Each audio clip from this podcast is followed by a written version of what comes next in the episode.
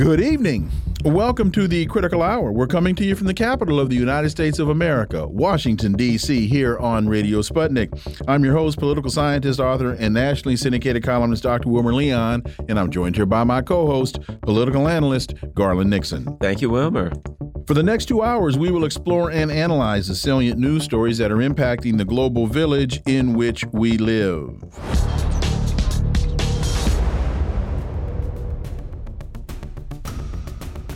It's being reported that the toxic aftermath of the Maui fires could last for years. Lahaina is plagued by hazardous debris, chemicals, and undrinkable water. A big storm could worsen and spread the wildfire contamination. For insight into this, we turn to our first guest. She's a licensed pediatrician and the co editor of Popular Resistance, Dr. Margaret Flowers. As always, welcome back. Thank you. It's wonderful to be with both of you. So, even as the fire retreats, danger remains for Maui residents as they return to the charred wreckage of their neighborhoods. The fire killed more than 100 people as it raged last week. Uh, helping families recover and continuing to identify victims is the immediate priority. But the toxic soot left after an urban conflagration is its own disaster upon a disaster, one that could linger long after the flames themselves has have died. And I think, uh, Margaret, when you also factor in to the, we're talking about an island that exacerbates the situation as well, Dr. Margaret Flowers. Right. You know, it's it's an isolated community, but this is the the issue that is not often talked about with these disasters, whether it be a wildfire fire or flooding is that the impacts then go, you know, to all the, the toxic materials that are out there in our environment, whether it's, you know, the materials used to construct buildings or storage tanks or fuel, uh, the plastics, what have you, that are burned, does leave behind this this toxic residue. And so they're actually uh, instructing people to wear protective equipment when they go back into the areas to, to check on their homes and also not to allow children to go in there. So this is not just rebuilding the structures, but now they're talking about having to test for the chemicals, dig up, you know, six inches of soil and remove that. Uh, this is a huge uh, endeavor and again, difficult to bring in that equipment to some place that's so isolated as Maui is. Yeah, and here's the other part. You know, these things are expensive. You know, we had the issue with the drinking water being contaminated by the military last year, which is still ongoing. We have this, and all we hear from our government is we've got to send more troops to country X, we've got to send more weapons to country Y, and there's never seems to be something um, left for country USA, Margaret. no, absolutely, and and the you know responses typically to these types of disaster, uh, the responses by the government are often inadequate to what the people actually need.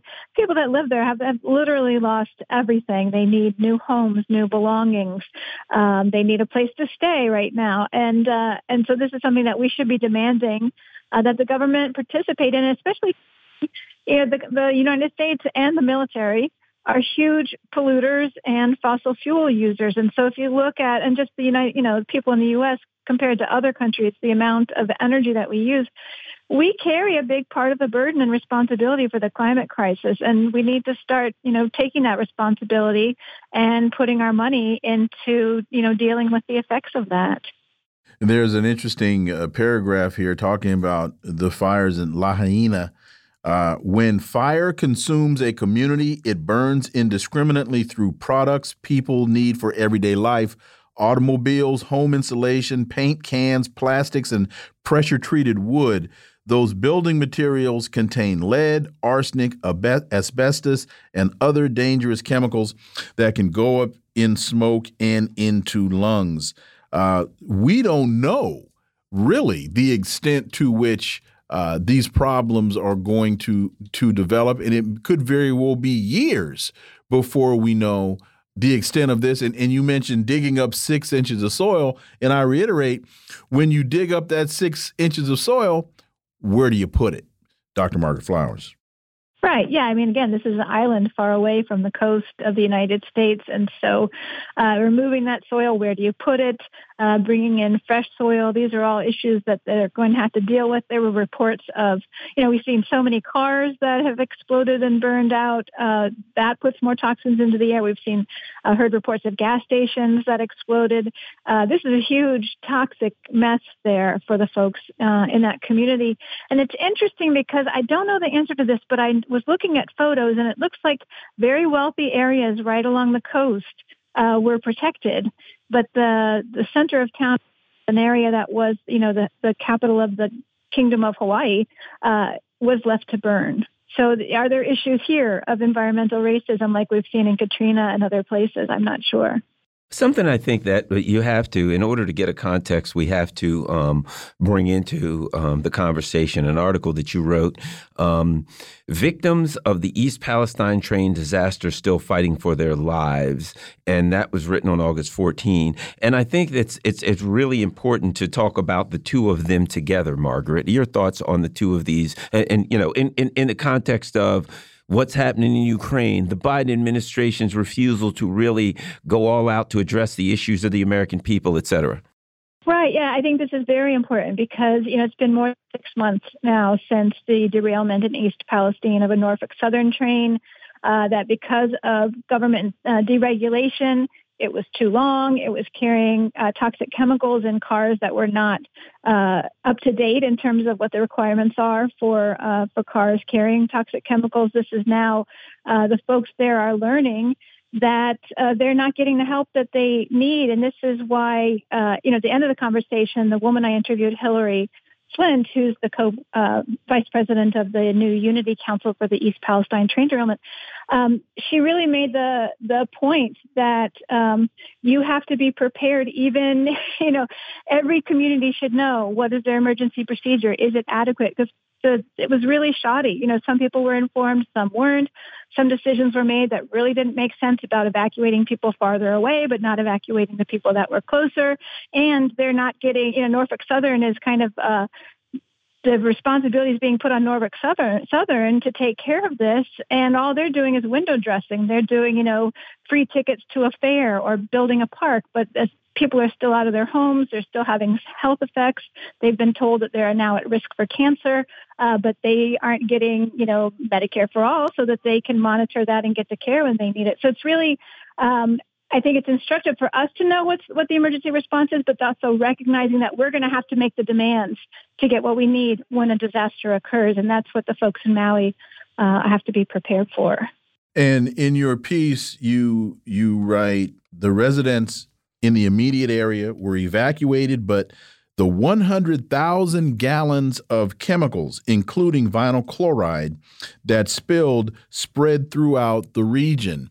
And I'm wondering is anybody really testing water downstream to see how far downstream these chemicals have spread because if I if my memory of the map is correct they're not too far from tributaries that uh, go into some major major waterways Right. You know, it's all connected. And it, what's interesting is that Hillary lives five miles from the site, and yet uh, she had her air filters in her home tested, and they came back positive um, for polyfluoroalkyl uh, substances as well as vinyl chloride. Um, and folks there, you know, they're not doing, the government is not doing the testing it needs to be doing. It's not giving people air uh, monitors so they can know if their homes are toxic or not. Uh, they told doctors, the CDC told doctors not to have people get tested urine uh, toxic toxicity tests done. Uh, people who did get them done it, you know, anyway, found that they had the toxins inside of them. Uh, so that's very concerning to folks that there's not even up front, you know, looking at who's been exposed and, and who really needs to be watched closely for health effects. Um, the chemicals have gotten into the structures, so the wood, uh, the upholstery fabrics on their furniture. And so whenever there's a hot day, those chemicals off gas and people are exposed all over again. So this is an ongoing problem. And and so it's not just again, it's not just replacing the structures, but they need to replace their belongings as well that have now become contaminated. And what's interesting is the president did declare an emergency for the uh, for Maui, which is important, but he has still not declared an emergency for Ohio for East Palestine, despite the fact that the governor uh, requested that. And so folks can't get a lot of the aid that they need to get until that happens. In fact, it's the uh, the Allegheny and the Ohio River that uh, I think uh, or at least the Ohio River. And the Ohio River does not flow into, if I got my geography, flows down into the Mississippi River. So, I believe so. Yeah. yeah so, and, and, then two, I remember a couple of weeks after this uh, catastrophe happened, they were talking about things were okay, but they were finding dead animals downstream because they were drinking water from the river, the the deer and whatnot, and so they were finding uh, animal carcasses uh, along the waterway. Right. And what's interesting is that some of the EPA folks came in early on to do some testing and they got sick and they haven't come back since. So, I mean, people, sadly, and rightly so, they're feeling very abandoned there uh, as if, you know, things have been forgotten. This is not uh, a wealthy community. The average home sales there are less than $100,000. So these are not folks who, who have the means uh, to rebuild. And this is a bigger problem than any individual can do anyway, because it really does require a coordinated effort. And between the local, state, and federal efforts, there is no real coordination happening another reason why they really need that emergency declaration. And they're putting a lot of pressure on the president to grant that request because Pennsylvania can't make a request. Uh, they've also been impacted uh, until Ohio has granted their emergency declaration. So, um, so that's kind of a big focus for them, as well as fighting to get Medicare uh, benefits for the people from that community. Um, we also understand that now Joe Biden says he will visit Hawaii, uh, just like uh, the East Palestine disaster. He's gotten a lot of uh, heat for not getting there and seeming to ignore it. Your thoughts? Right. Yeah, that's another um, thing that's upsetting folks there is that he went to Ukraine, you know, shortly after that, but uh, but he hasn't been to East Palestine to it, to address the issue there. So they're uh, really feeling like they're not getting the attention they need. Makes me wonder. You know, the the governor of Hawaii is uh, as a Democrat. The governor of Ohio is a Republican. Uh, does the Biden administration are they so callous that they don't care about the folks there because they don't think they're going to get their votes? Um, that's a pretty sad thing for a president if that's the case. Your thoughts on this? I've thrown this out uh, over the last day or so as folks were complaining that Biden wasn't going to Hawaii. And what I have been saying is one of the reasons why I don't think you see Joe Biden walking around Hawaii right now is because that's not a environment that they can script. That's an unscripted reality, and they don't want mumbling Joe to be wandering or aimlessly around uh, Hawaii because you can't control what he's going to say. Right. And I think we also have to remind folks that, you know, the Hawaiian kingdom was stolen by the United States from the people. They mm-hmm. would still like to have their sovereignty back.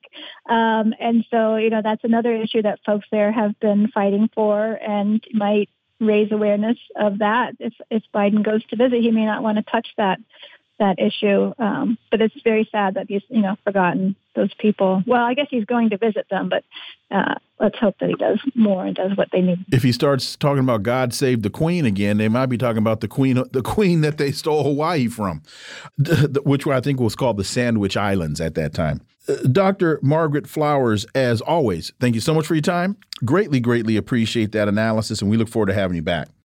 Thank you. Folks, you're listening to the Critical Hour on Radio Sputnik. I'm Wilmer Leon. I'm joined here by my co host, Garland Nixon. There's more on the other side. Stay tuned.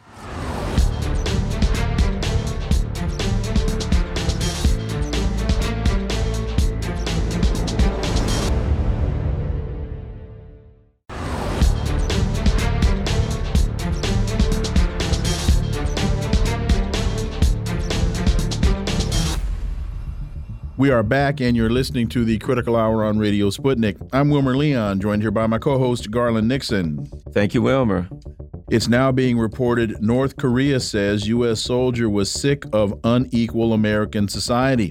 The U.S. soldier who fled into North Korea last month did so because he was disillusioned with the quote unequal American society end quote. Pyongyang said uh, yesterday in its first public acknowledgement of the incident. Is this a propaganda ploy? Well, for insight, let's turn to our next guest. He's a journalist, social activist, international business consultant, and chemical engineer. George Koo, as always, sir, welcome back. Thank you, gentlemen. Nice to be back. So, Private Second Class Travis King, who had been punished for misconduct while serving in South Korea and was being sent home to the U.S., joined a civilian tour of the joint security area in the demilitarized zone between North and South Korea last month. He bolted across the line into the North Korean into the northern side and has not been seen or heard from since. King told North Korean investigators, according to the North state run news agency, he decided to cross into North Korea because of his ill feeling against inhumane treatment and racial discrimination within the U.S. Army, which all could very well be valid. Your thoughts on is this Northern propaganda? Y your thoughts, George Koo? Well, I think I I think I would take it for what it's worth. It seems like a very straightforward story to me. That we we have one disgruntled soldier that uh, decided that he wants to see what life would be like in North Korea, and he bolted. Um, I don't think that um, I would go so far as what Washington Post says that he was detained by the North Koreans. He wasn't detained. He went over there on his own free will, and um, it'll be interesting to see, you know, what's the rest of the story going to be. But in the meantime, um, I, I, I don't know if it's worth making a big mountain out of a molehill of an incident of one individual.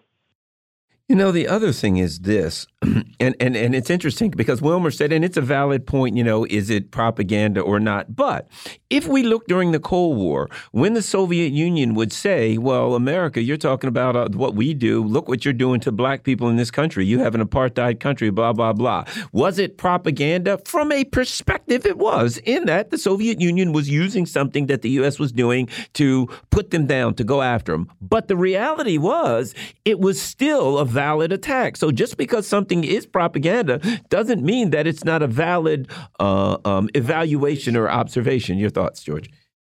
Well, you know, um, whenever something is called propaganda, it implies that it's made up um, rather than it's based on you know facts and truth. And of course, nowadays everything where it's rife with so-called fake news. So everything you take with a grain of salt, and you really have to look underneath to see what where the truth lies. So, um, it, it, you know, so yeah, I mean, when the Soviet Union was blasting propaganda at the United States, it's not made up. It's based on um, certain truth, yeah, and maybe they made an emphasis of it it's much um, much more valid, frankly, than some of the stuff that we put out in the United States about China. You know, the latest I heard was the Chinese fired green lasers at Maui and set Maui on fire. But uh, you know, I'm not sure there's any grain of truth to that. Yeah, everybody knows the Chinese use red lasers. Why would they use green ones? Unless they were shooting at Greenland. Oh, I never thought about that. Biden to host standalone summit with Japan and South Korea. President Biden will host his Japanese and South Korean counterparts at Camp David in Maryland tomorrow, the first time the three nations leaders will hold a standalone meeting to discuss trilateral issues. And I'll just throw out here so he can meet one on one with the leaders of Japan and South Korea, but when he had his summit with African leaders, they weren't afforded the same respect. But that's just my commentary. Uh, George Koo, your thoughts, sir? Well, I think Biden thinks that um, he's going to be able to charm South Korea and Japan into um, becoming real close buddies and comrade in arms to um, have a united front uh, on uh, on China, and maybe as the beginning of a uh, nuclear for for a NATO-like organization. Um, I'm not sure that Biden's charm is going to work that effectively, given the, the, the historic uh, enmity between South Korea, between Korea and Japan that goes back 100 or 200 years. And that's very hard to overcome, even though the two current leaders, the president of South Korea and the, and the uh, prime minister of Japan, seem to be very willing, um, uh, how should I say, uh, stooges, two of the three stooges in this particular uh, scenario.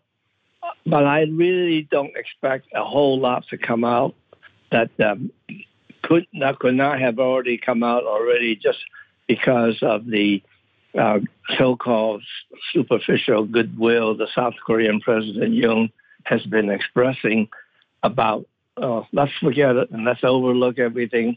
Uh, let's forgive and let's be buddies with Japan.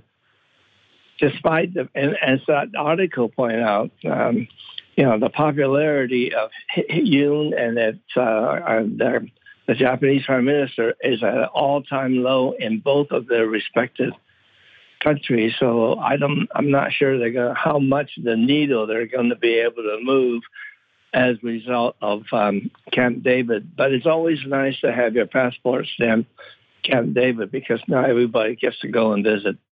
You know, the other thing I wonder about is the internal politics in um, South Korea, in that we see, you know, here we investigated and we see articles about um, people in the streets. We see signs of people that are unhappy. And there seems to be some level of discontent in South Korea, um, I guess, from a historical content context um, against the their, their current leadership being so cozy with a country that you know has a long history of violence and oppression against the people of Korea.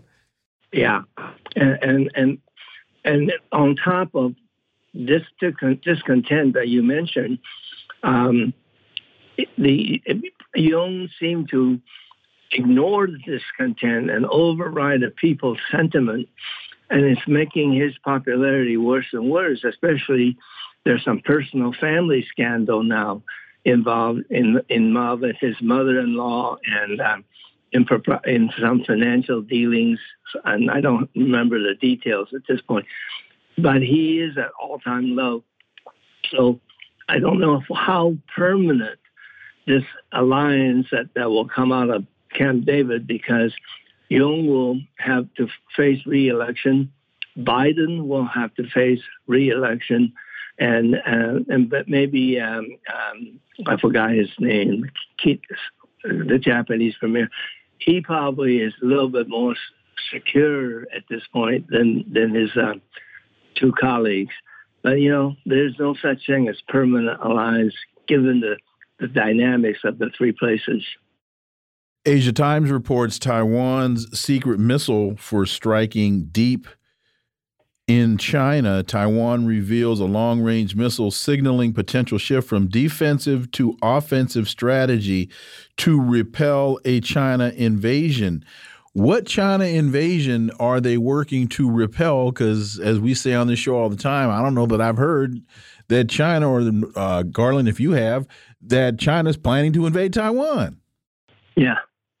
Well, you know, it's a it's a full circle sort of thing the Western media creates the prospect that China is going to invade Taiwan, and now they now report Taiwan has an answer to the invasion, and it feeds on each other, but not again, not really based on reality.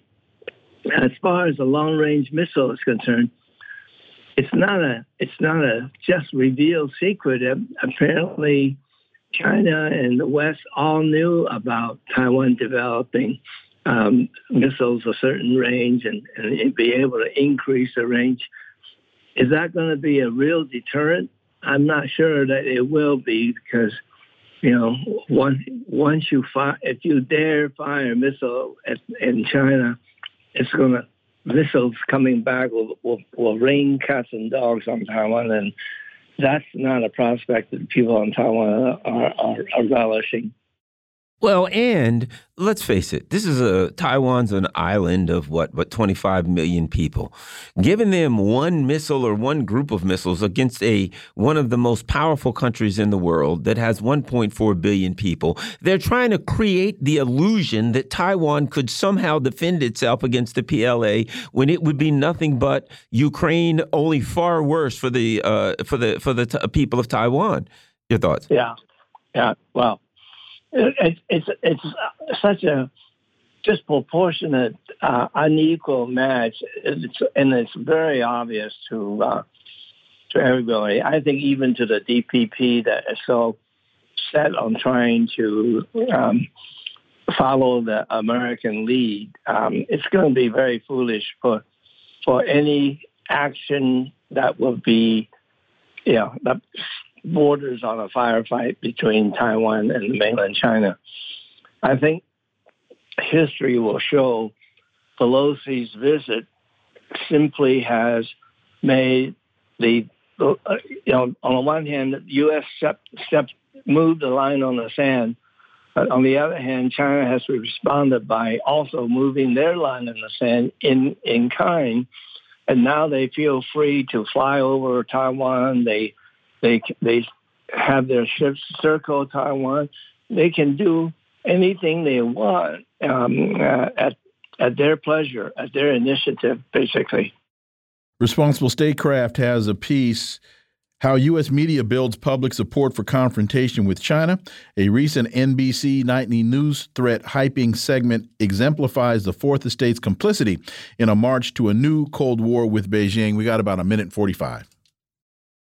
Well, you know, um, I think recently Pew uh, did a poll on American sentiment about China, and I think since we, the neocons, really take over, took over from Trump on Trump period on, uh, maybe towards the end of Obama years, the the um, the Western media has been firing all all pistons directing the anti-China rhetoric, and basically it's practically somebody. I think somebody said that there's talking points every day coming out of the uh, Biden administration that the media picks up on and inducively report on that, and it's it affects New York Times, Wall Street Journal, Washington Post. It affects everybody you can think of.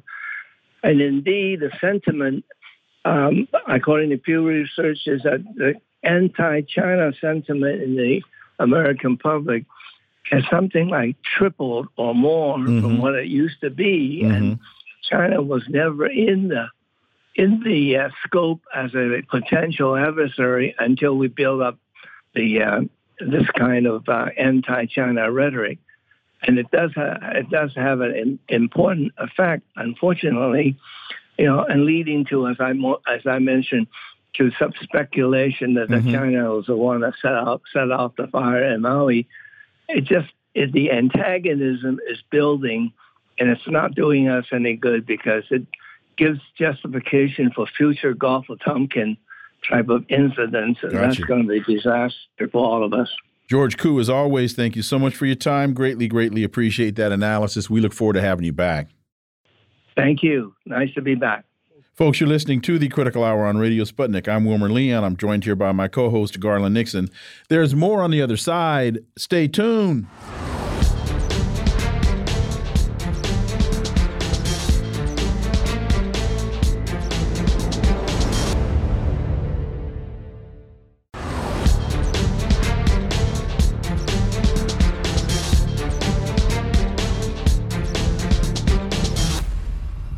We are back, and you're listening to the Critical Hour on Radio Sputnik. I'm Wilmer Leon, joined here by my co host, Garland Nixon. Thank you, Wilmer. RT reports Niger's neighbors activate intervention force. ECOWAS military chiefs have said they are finalizing plans to restore order in the West African country. For insight into this, let's turn to our next guest. He's a historian and educator with 40 years background in Africa, living and reporting from Eritrea from 2006 to 2021.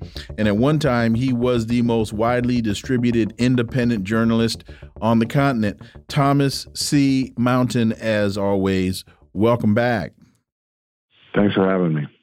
So, the Economic Community of West African States, ECOWAS, announced on uh, yesterday it's begun mustering the standby force intended to bring back ousted President Bazoum to rule Niger. Uh, your thoughts on this, especially in the context of uh, the E in ECOWAS is economic. It's not MECOWAS, as in military, uh, Thomas Mountain.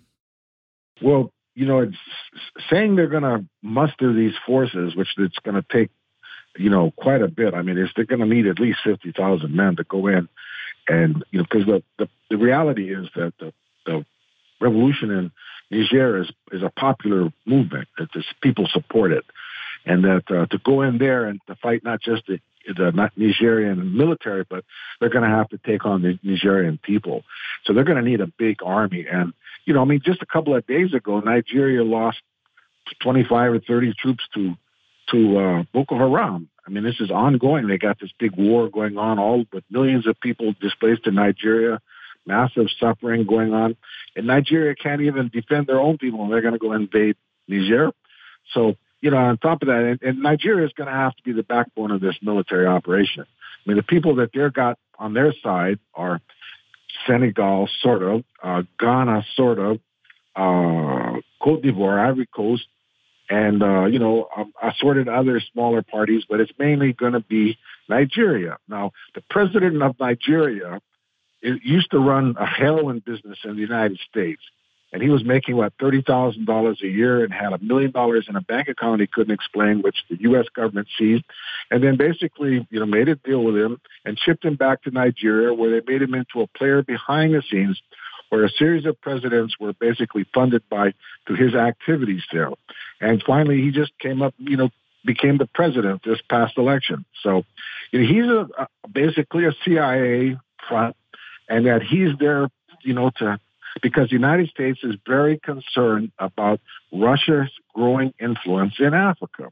And particularly, you see these Russian flags being waved in Niger and in Mali and in Burkina Faso, with you know Niger with uh, Mali and Burkina Faso saying they're not going to sit back and and just watch uh, Nigeria and the rest of these ECOWAS lackeys invade uh, Niger. So this is to talk about oh we're going to intervene is one thing, but to actually do it, it's another story, and and it's going to be a tough one because you know uh, Nigeria. There was a, a couple of days ago, I mean last week, Nigeria. There was a pretty significant demonstration against Nigeria and involvement in in Niger, and the something like five percent of the Nigerian uh, parliament voted against involvement in Niger. So, I mean, this is not going to be a, a, a, popular involvement, especially the fact that uh, Nigeria can't even protect its own people from Boko Haram.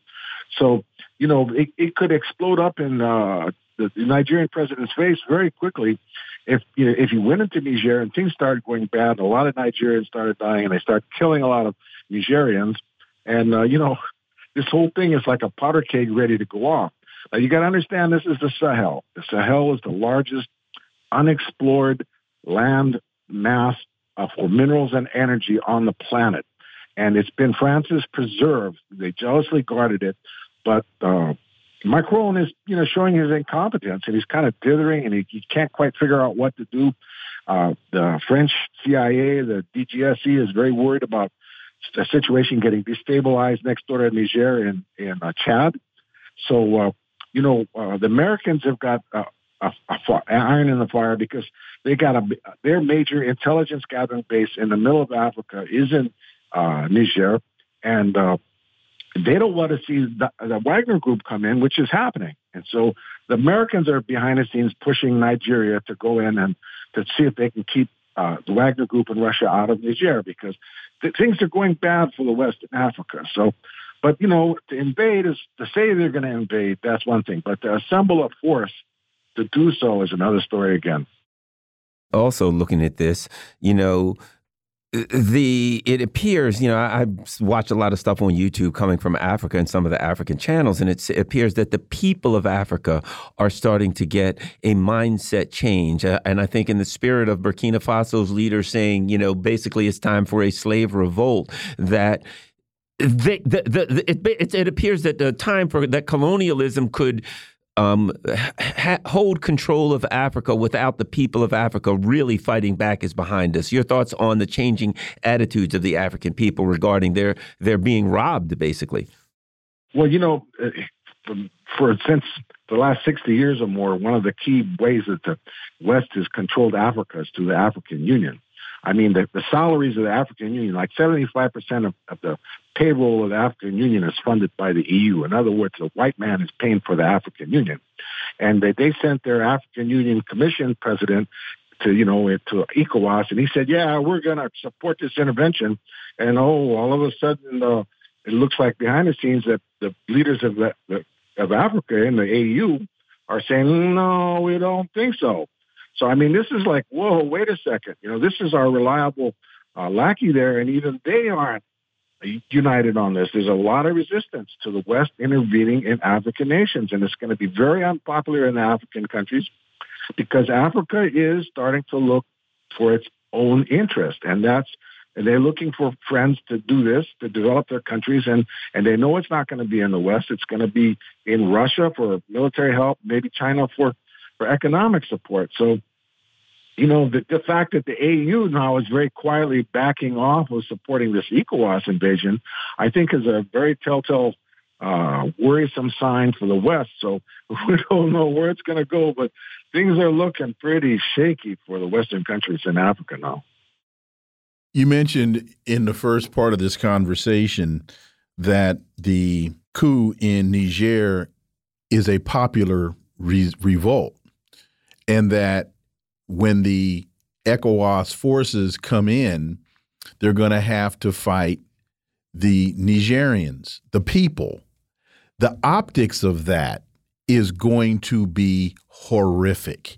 And I don't know if the United States want it's one thing to look at Ukraine and see a bunch of folks in uniform, even though we know that they're being conscripted and taken off the streets and forced into into into support of the of the of the process.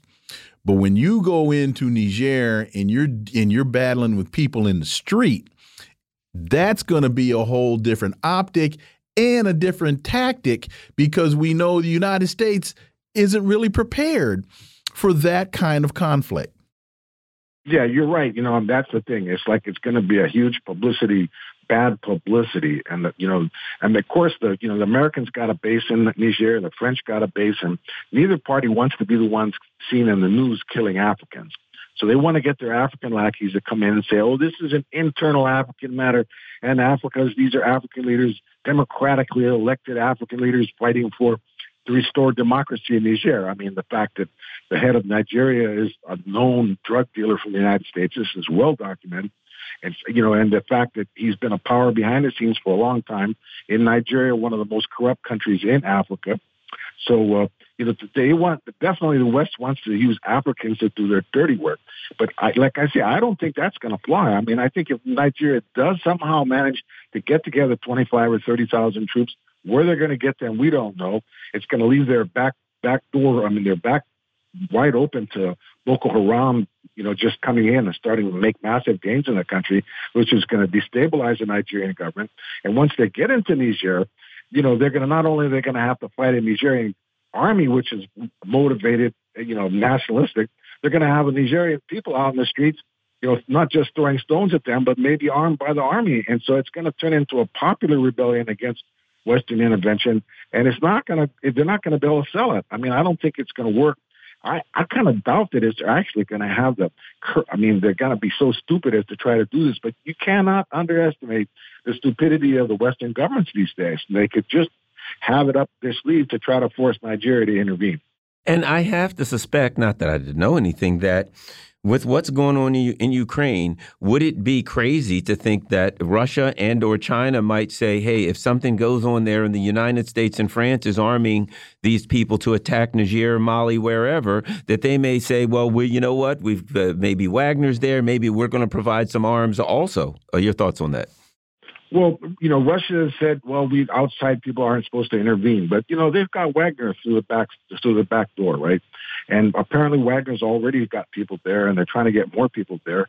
And uh, you know, Algeria has already said they're, they're this is a big problem if if the ECOWAS goes in there, and they're going to be you know wanting to support Niger. So uh, you know, uh, you know, so there's a lot of avenues that Russia and China could indirectly support the people of Niger without directly getting involved.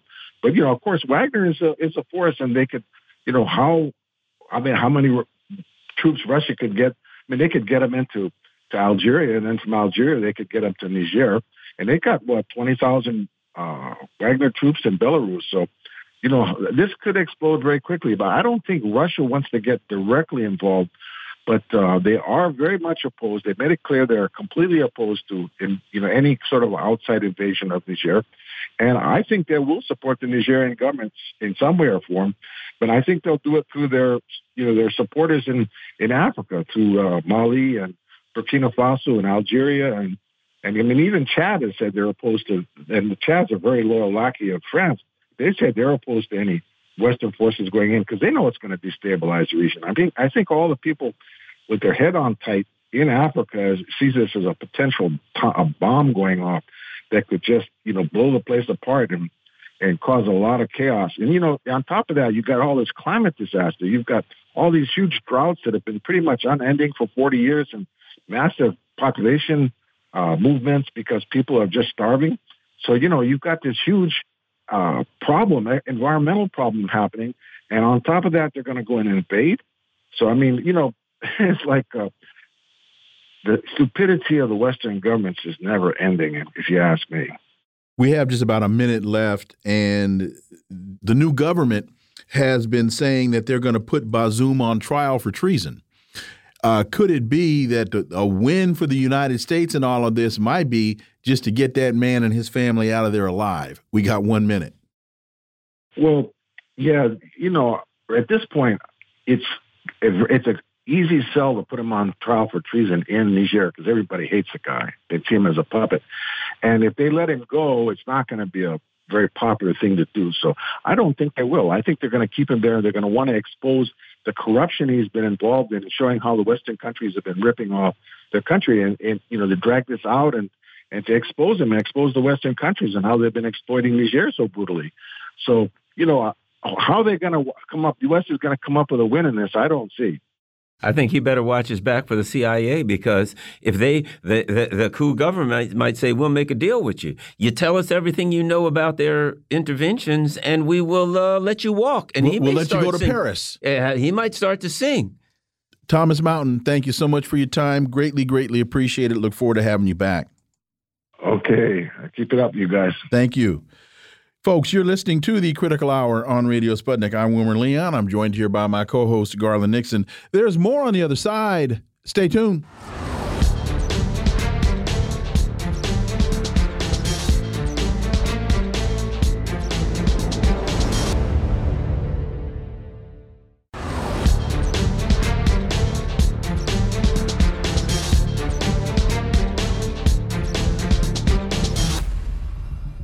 We are back, and you're listening to the Critical Hour on Radio Sputnik. I'm Wilmer Leon, joined here by my co host, Garland Nixon. Thank you, Wilmer. The Hill has a piece, Shoeless Joe Weiss and the Fixing of the Hunter Biden Game.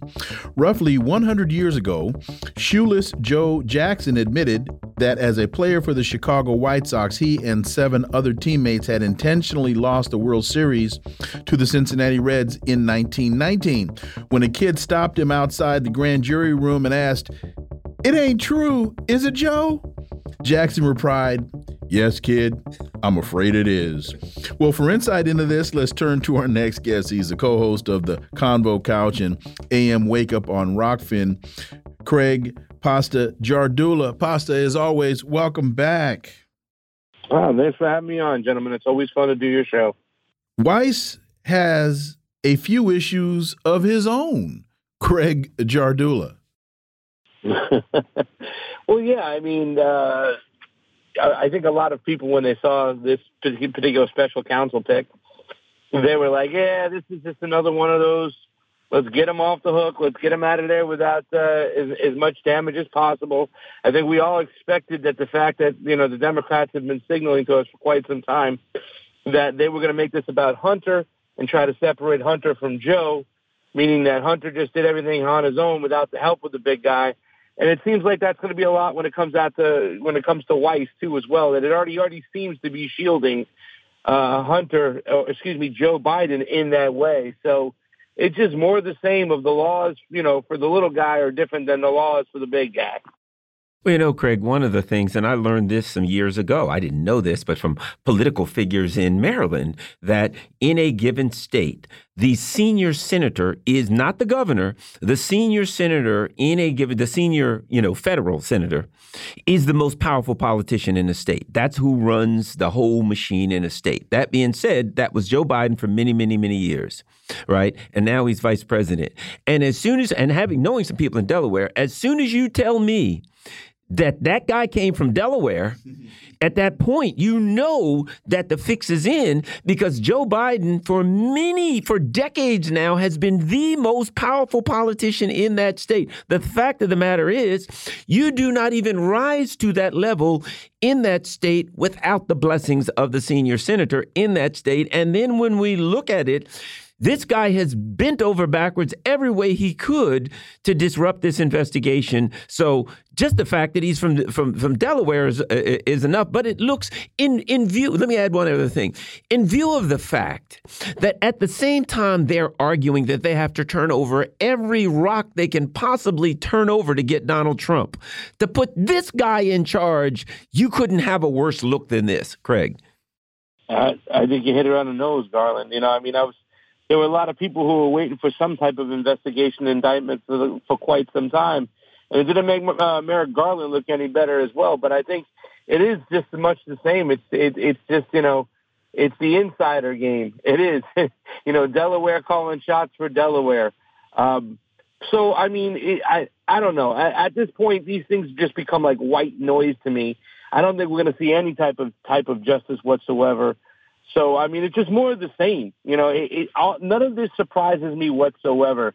And I don't know, even still though, I mean, we've talked about it on this show, guys. We've talked about when are they going to make that move when they're going to move Biden aside just so they can swing in Gavin Newsom. You still hear those echoes now, and now you hear them like on the Sunday news shows as well, where you got certain uh, congressmen saying, well, maybe even though we have this special counsel situation coming on, you know, they play the part to make it look like ah, this is really, really bad. Maybe we should start looking elsewhere outside the box. So this, even though it looks like it's going to be a situation where the Bidens are going to be protected, it still could be used as an excuse to, to push them aside and bring in Gavin the Hair. And for those who don't know, the the shoeless Joe Jackson uh, reference was from the Black Sox scandal of fixing the World Series in 1919, and a gangster Arnold Rothstein was the was the one behind uh, in fact, that's what really made propelled Arnold Rothstein uh, to infamy. Uh, well, so what does this say to you? Uh, th this Hill piece is interesting because it says the Weiss appointment definitely established Garland as a failure, not Garland Nixon, but Merrick Garland, the Attorney General, as Attorney General. As someone who initially praised Garland's appointment, I now see that he has repeatedly shown he lacks the strength and leadership to rise to these moments. When Merrick Garland first appointed Weiss as special counsel, there were there was a lot of discussion about why was a special counsel even needed that Merrick Garland could have just handled this himself. He didn't need to appoint a special counsel. And so there are those who said, well, he's doing that to put some distance between himself and the fix. And then it comes out he put as Arnold Rothstein did in fixing the World Series. This really seems to be a fix. Craig, your thoughts? Oh, hey, Craig, I just want you to know I've been accused of some miscreant behavior here, and I'm working to get Wilmer assigned to do the investigation. And I will gladly accept the appointment. And uh, Garland was found not guilty. And I haven't even started the investigation yet. Go ahead, Craig Jardula. I mean, yeah, I mean that's just about the equivalency right there, right? I mean, yeah, it, it it is almost comical. Uh, but you know, I mean, if, I think if you look at the ratings, that Hill article also talks about the ratings. Yes. As far as what the, the you know the, the State Department is now looking like every single time we, it just the, the ratings going down and down and down. I never would have bet that you would have thought that people would have thought, and you know, believe you me, I believe that you know Joey B, I call him Joey B, Joey Biden, you know, has got some gangster ties, but I would never have thought that it would sink below the the ratings that a, a William Barr once had. But that's where we're at right now. People have no trust in the system. They see what's going on. I mean, it's going to give the people the confirmation bias they want, so they can say, "Well, see, you know, they didn't, you know, politicize the the." uh the, the the Justice Department the way the uh, the way Donald Trump is, and yet every single time that we we seem to have a little bit of information or a piece of evidence come out against Hunter, connecting him closer to to Joe, whether it be Archer singing or whatnot, another indictment pops up for who? Donald Trump. It's it's the clown car. Morning Joe was on in my house this morning. It wasn't my fault, and they were talking about ratings and that Don, where Donald Trump's ratings are right now. And the implication was that Trump's numbers are falling and that therefore that means that things could be much better for Joe Biden. What I am saying here is Trump's numbers may be falling, but Biden's issue is going to be turnout. And that the Democrats and the independents that Joe Biden needs may just wind up staying home. And with Donald Trump's kind of solid 38 to 40% base, that could be enough to carry the day. Well, yeah. I mean, if, if I honestly believe that elections were, were really uh, a, a sign or a signal of what the people actually thought, and, you know, uh, therefore, I, I, I still wouldn't find a way. I, I still wouldn't think that Joe Biden would be able to beat uh, Donald Trump because these things right now, these indictments, they're going to victimize Donald Trump even more. They might not come out right now. There might be a little initial pushback about, ah, I don't know about Donald Trump. But the more they look into these things and the more they show these things, I mean, the, this last indictment in Georgia is just a joke. You know, it's it's it's pretty much saying that you can never contest an election or or or push back against an election or question an election ever. So, I mean, I think these things are going to victimize Donald Trump in the long run. They're going to actually help his numbers, and they're going to help, actually help lift him across the finish line. He said the other day, "We need another indictment. We we need one more." I mean, he's just, you know, he's using these to his advantage, and people see him for what they are, just political theater. Well, we got. I'm going to add something to the next um, article. How will Trump's fourth indictment and RFK Jr. influence the election season? And add, I might as well add um, Cornel West into this to get your thoughts on all of that. There we go. Uh, Wilmer's got a great Cornel West shirt on, and as soon as I saw it, I thought, "Hey, I got to get one of those." and find out where Wilmer got that. But the bottom line is, Oh, great. We got um, a number of issues here wherein, like Trump or not, he's saying some things about ending the Ukraine war and some things that people are going to say, okay. And um, RFK Jr., I certainly got issues with his Israel stuff, but he's saying some things that the system doesn't like. Cornel West, who I actually like best, is saying the most things. But you got three different people out here saying things about the system. People are looking at the Hunter Biden saying, man, that's a lot of corruption. It doesn't doesn't feel good. How did he? Your thoughts on these three guys and how, and all of this dynamic, how it affects 2024? Well, at the end of the day, the Democrat is taking away votes, right? That being RFK taking away votes from actually Donald Trump, and his message has been leaning more towards the conservatives. He had a, a border movie that he was. It's called uh, Midnight at the Border, which was like an 18 minute documentary, and it definitely was geared to looking like picking up more conservative votes it's the Green Party candidate, uh, the progressive in Cornel West, will be peeling away votes from Joe Biden. Uh, so, I mean, it's going to be very interesting. Uh, I, I do like, I think Kennedy is still one of the better candidates out there right now. His messaging goes across the board. Uh, I mean, but this is going to be this is going to be a fun time. We're six months out from I think Iowa now, so it's going to really really heat up. And once Cornel West gets on the road, it's going to be interesting to see if he can draw a crowd the way Kennedy and Trump can. I mean, Trump is still uh, uh, you know drawing the biggest crowd. Uh, Kennedy's getting some movement. His campaign seems to be moving high uh, up. So it's going to be very interesting, and there's a lot that hasn't played out yet, and I'm I'm just interested to see. Some great discussions are going to be coming out, no matter what. You know, at the end of the day, I still think it's going to be about Biden or Donald Trump, but because of Cornel West and because of RFK, we're going to get some great political discourse we wouldn't have had. One of the major issues that I'm still waiting to see how the Democrats address is their declaration so early in the process that there will not be any debates. And I don't understand how what is supposed to be a process based on democracy, how Democrats can impose a candidate upon their party without allowing debate. Uh, Craig, help me out. Uh, in fact, I'll also, well, A, I believe they don't believe that Joe Biden can survive a debate, that because it will be unscripted, that he'll probably talk, wind up talking about corn pop, shaking the hands of people who aren't there, and singing God Praise the Queen. And that's also why Joe Biden hasn't gone to Hawaii yet is because that is still such an unscripted setting that they can't let him loose in an unscripted environment. Craig Jardula. That's a whole lot I threw out there, but pick what you want to talk about. well, I, I don't believe that you're surprised the fact that they won't let Joe Biden out there to debate. God forbid they let him out there to try and debate what kind of mess he could get himself into. But my, my prediction is, I'm just going to throw a prediction out there, is that I'm still with you guys. Where, and I don't know if you're still on that same train where you think that you know they're going to eventually move Joe Biden aside using whatever. For, oh yeah, he can't. He, he can't survive right? this. He can't survive this. No, no. no. And I think they're going to have to move out Gavin the Hair. I think mm-hmm. that's what we, we kind of like it.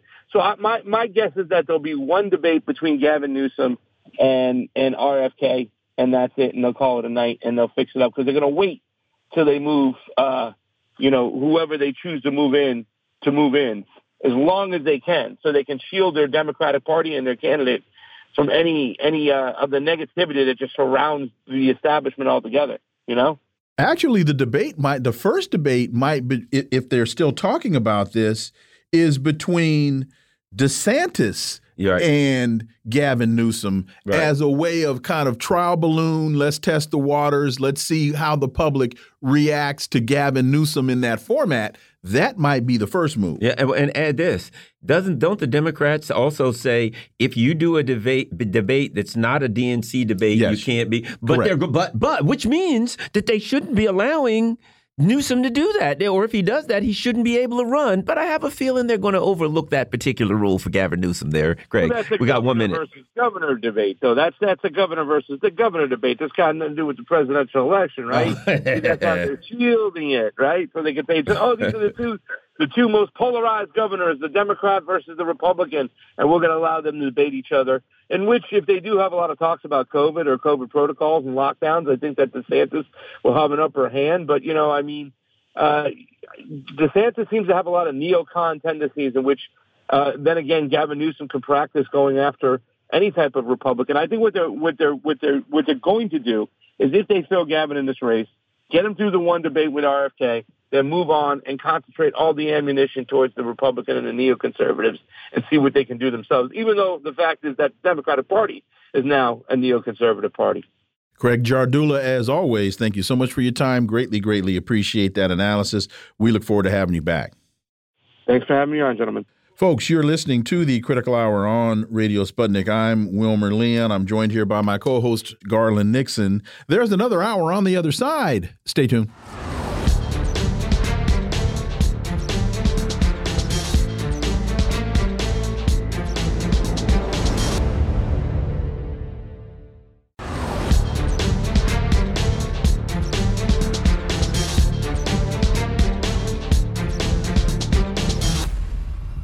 We are back, and you're listening to the Critical Hour on Radio Sputnik. I'm Wilmer Leon, and I'm joined by my co host, Garland Nixon. Thank you, Wilmer. Lebanon initiates oil and gas exploration in Block 9. This is from uh, Al Mayadeen English. Minister of Public Works and Transport in Lebanon, Ali Hamie, declares the oil and gas exploration vessel has arrived at the drilling site in Block 9 to start drilling operations. For insight into this, we turn to our next guest. He's an award winning broadcaster, political analyst, and journalist based in Beirut, Lebanon, Laith Marouf. As always, Laith, welcome back. Great to be with you. So, Minister of Public Works and Transportation in Lebanon, Ali Hamie, announced publicly the arrival of an oil and gas exploration ship at Block 9, marking the initiation of drilling operations.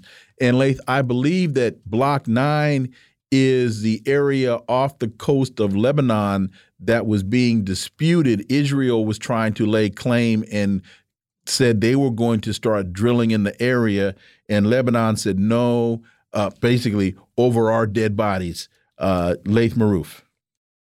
Oh, yes, definitely. Some of our listeners would remember, of course, that uh, Hezbollah, the resistance group in Lebanon, sent uh, drones over Israeli drilling operations that were moving in the uh, what Lebanon calls its territorial waters.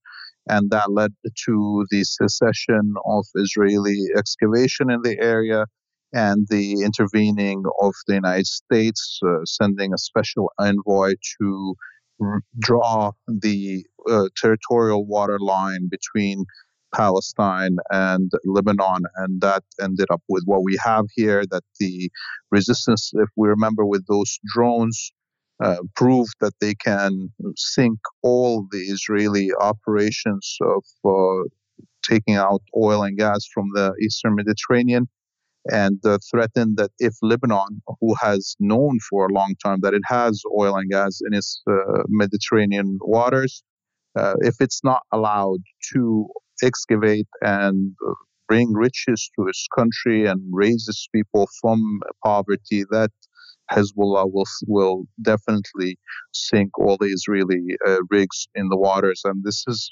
finally we see the result of uh, this uh, honorable stance by the resistance.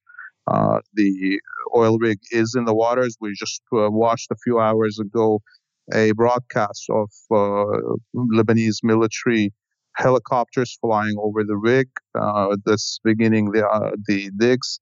And as we know now, uh, in the next week we should be clear about if there is oil and gas in these waters, and within the next uh, 80 days, we should uh, see production beginning and a new horizon for Lebanon uh, because of the uh, tenacity of the resistance movement here. Do you think in Lebanon that it is viewed that the resistance movements, um, uh, you know, uh, uh, you know, unwillingness to budge, that the resistance movements, you know, threats to use um, uh, uh, uh, lethal pressure to protect their economic interests? Do you think, number one, that that is viewed as the reason that this is happening? And number two, I guess in the context of Niger, does 90% of the profits go to France? Oh no! This time uh, there's going to be a, a national fund basically created where uh, the money of uh, this will be held uh, in the same manner that some of the Scandinavian countries have these national funds that collect all their uh, oil revenues for safety in terms of you know um, the generations to come. And this is what we're hoping. Look, uh, of course, Lebanon is a dysfunctional state, if we can even call it a state.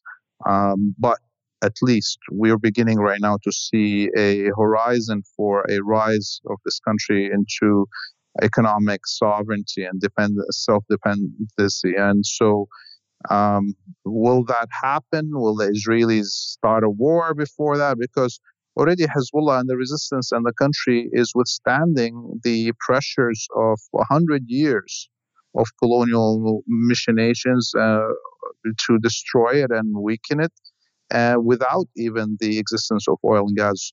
Um, and so, will the Israelis and the Americans allow actually Lebanon to uh, come out of this economic uh, situation and better itself while it's still sovereign and resisting. That that's I don't think that's possible. Look, uh, many people don't even uh, recognize that the war on Syria really was about the gas fields that Syria has in the uh, eastern Mediterranean, which are presumed to be the largest gas fields in uh, waters in the world, and we have never even touched those. Uh, you know, Syria, you know, in that instance, which was uh, already sovereign uh, in food terms, in in economy and industry, was going to become an exporter of gas and oil, and that was not allowed for Syria. And we saw the war that happened there. Will the West allow Lebanon to actually extract this oil and gas? That's now a big question that we will see answered in the next uh, months and years. Well, in fact, that was actually going to be my next question. Uh, looking at what the United States is, for example, doing with Haiti, to Garland's point, looking at what's uh, anticipated to happen as it relates to Niger. Uh, the global imperial hegemon, whether it's the United States, whether it's France as a neo colonial power or whether it's Israel in this regard, will not allow the resistance to succeed at any point because their fear then is that one that success breeds success and then that'll just become a sense of empowerment for the resistance movement so if Israel were to decide drilling in uh, Section 9 is not going to happen, what type of tactics would you expect them to employ? Well, we are in, you know, on a war between uh, Lebanon and Israel uh, for months now because of these skirmishes on the uh, borders. And this is, for my analysis, I see that all in preparations for this. This was not coincidence uh, that uh, the the Israelis increased all these skirmishes on the border before this. Um, and um, maybe some of your listeners would know this, but this the date of bringing this rig and announcing its arrival by the Minister uh, of Public Works, who is, um, you know, counted on the Resistance uh, Alliance in the uh, Parliament of uh, Lebanon, is is timed for the 1998 massacre in Qana when the Israelis attacked the Qana uh, headquarters of the United Nations, where many of the uh, Lebanese villagers were hiding uh, and massacred all these unarmed civilians, and the United Nations did nothing.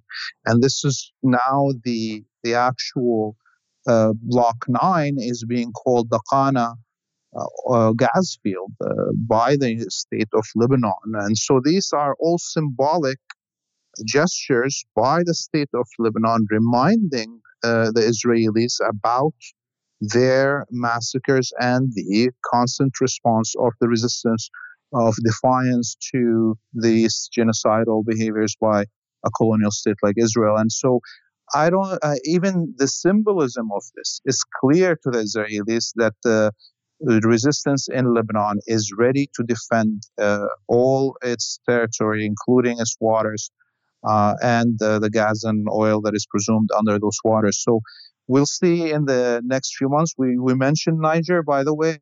President Putin just called the president of Mali and they spoke, and, and this, the position of Russia is a very strong position uh, against any intervention. Uh, and it's clear that uh, now Wagner, uh, Wagner, and other um, you know forces that are allied with Russia and others have moved into Niger. It is expected also that the Algerian military is moving this uh, towards the borders of Niger. To we can see most probably the air defenses and that are Russian that Algeria owns and the air force that Algeria owns which are all Russian uh, made, which the largest air force uh, of uh, Russian military uh, aircrafts outside Russia is in Algeria, by the way. This is all going to come to play, and I don't think the United States is ready neither for a war in uh, the borders with Lebanon or a war, war in Niger. And if they do this, it's clear that uh, they are um, have lost the plot and they have no choice but to start lashing at the world as as their empire collapses. Mondoweiss has an interesting story. Washington Post and MSNBC Voices say apartheid and J Street inches closer. What's interesting is you're starting to hear that stuff about Israel. But quite frankly, Laith, this is just my opinion. I think it's about they're angry at the current government because the current government is kind of like Trump he would say things that everybody knew, but they weren't supposed to say out loud that the U.S. empire does. And I think the current government is embarrassing the U.S. empire by being so blatant with their apartheid racism and that they're really angry at them for exposing. Anyway, your thoughts? Yeah, this is, you're right. This is a clash, internal clash in all the imperial domains uh, about which way is better to deal with the natives. Uh, is it better to beat them up and tell them that they are backward and uncivilized openly, or is it better to bring them into the kitchen and uh, you know allow them to have some of the leftovers on the table? And that's the difference. Uh, and and now because the the empire itself is not able to find any answers uh, to its retreat, its collapse, its uh, you know downfall of its reputation across uh, the world we see that now both the right and the left are cannibalizing themselves, the both wings of the imperial order, the same bird. These are two wings of the same bird. And they are now cannibalizing themselves because they can't find anybody else to blame for their collapse. So now here we find finally organizations and individuals that uh, for decades, if not 80 years, uh, resisted uh, the Palestinian call and definition that uh, what uh, Israel is is a racist colonial entity uh, built on ethnic and genocidal segregation. Um, and which which eventually got called apartheid, um, but now are finally coming not because they actually want to save the Palestinian people, but because they want to save their reputation. And that's this is where, in reality, look as a Palestinian sitting on the side and watching even this internal fight happening within the Zionist, uh, you know, communities. Uh, I have actually nothing to win or lose from this, uh, but uh, you know, pop some popcorn and watch my tormentors uh, cannibalize each other. The Cradle reports PIJ and Fatah Officials hold rare unity talks in Gaza. The Palestinian Islamic Jihad, PIJ resistance movement, held a rare meeting in the besieged Gaza Strip with officials from Palestinian Authorities Fatah Party. Uh, what, if anything, uh, does this mean, Laith Marouf? I personally have no hope in uh, the current leadership of Fatah. And I personally believe that any Palestinian group that is wasting time working with the uh, Fatah is is uh, is actually wasting the time of the Palestinian people as a whole. But I, I am clear in my mind that probably Palestinian Islamic Jihad wants to keep on his channels open with Fatah uh, to you know understand what's happening in the organization as they go forward with more armed resistance on the ground uh, in the West Bank. Uh, today, it's uh, the one of the leaders of the Fatah armed uh, wing, uh, the Aqsa brigades in Jenin, was assassinated by Israeli forces in the morning. Is a very well known you know, a citizen of Jenin city that uh, was, you know, had his fame in the 80s and the, you know, pictured as a child facing tanks and now, uh, you know, been killed. And clearly, if uh, he was uh, liquidated in such a way by the Israeli forces, that means that Fatah itself, led by Mahmoud Abbas, uh, allowed this assassination mm. of their own uh, armed members who in Jenin and other cities in the West Bank have uh, allied themselves with with all the rising uh, armed resistance on the ground and have kind of almost uh, uh become a counter within Fatah to the Palestinian Authority security forces. So this is probably why Islamic Jihad is keeping this open channel uh, to continue to understand what's happening within Fatah. Laith Marouf, as always, thank you so much for your time. Greatly, greatly appreciate that analysis, and we look forward to having you back. You have a great evening. You too. Thank you. Folks, you're listening to the Critical Hour on Radio Sputnik. I'm Wilmer Leon, joined here by my co host, Garland Nixon. There's more on the other side. Stay tuned.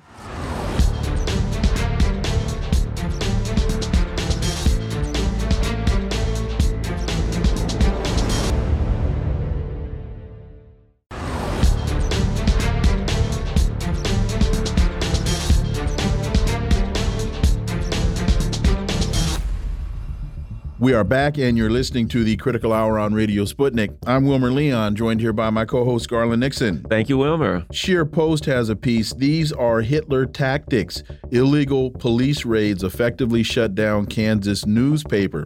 Joan Meyer, the 98 year old co owner of the Marion County Record in Kansas, had worked at the newspaper for over 50 years. She died after the newspaper was targeted in illegal police raids on August 11th. For insight into this, we turn to our next guest. She's a political commentator and podcast host, Misty Winston. As always, Misty, welcome back. Thank you so much for having me. I appreciate it. So, Marion City Police and the Marion County Sheriff's Office, according to the record, raided Meyer's home as well as the newspaper's office. They seized Meyer's computer and her router at the newspaper office. Officers seized cell phones, computers, the newspaper's file server, and other equipment unrelated to the scope of their search. Uh, Misty, this all really centered around an allegation by a resident that the newspaper had gained illegal access to police records, basically, uh, I think a drunk driving report of this particular citizen, and they sprang into action. Misty Winston. I mean, this story is pretty crazy. Uh, as you dig into it, I think it becomes uh, more apparent that there's more to the story that uh, wasn't really reported on initially. I think that uh, we've now learned that the newspaper was potentially working on a story about the sheriff.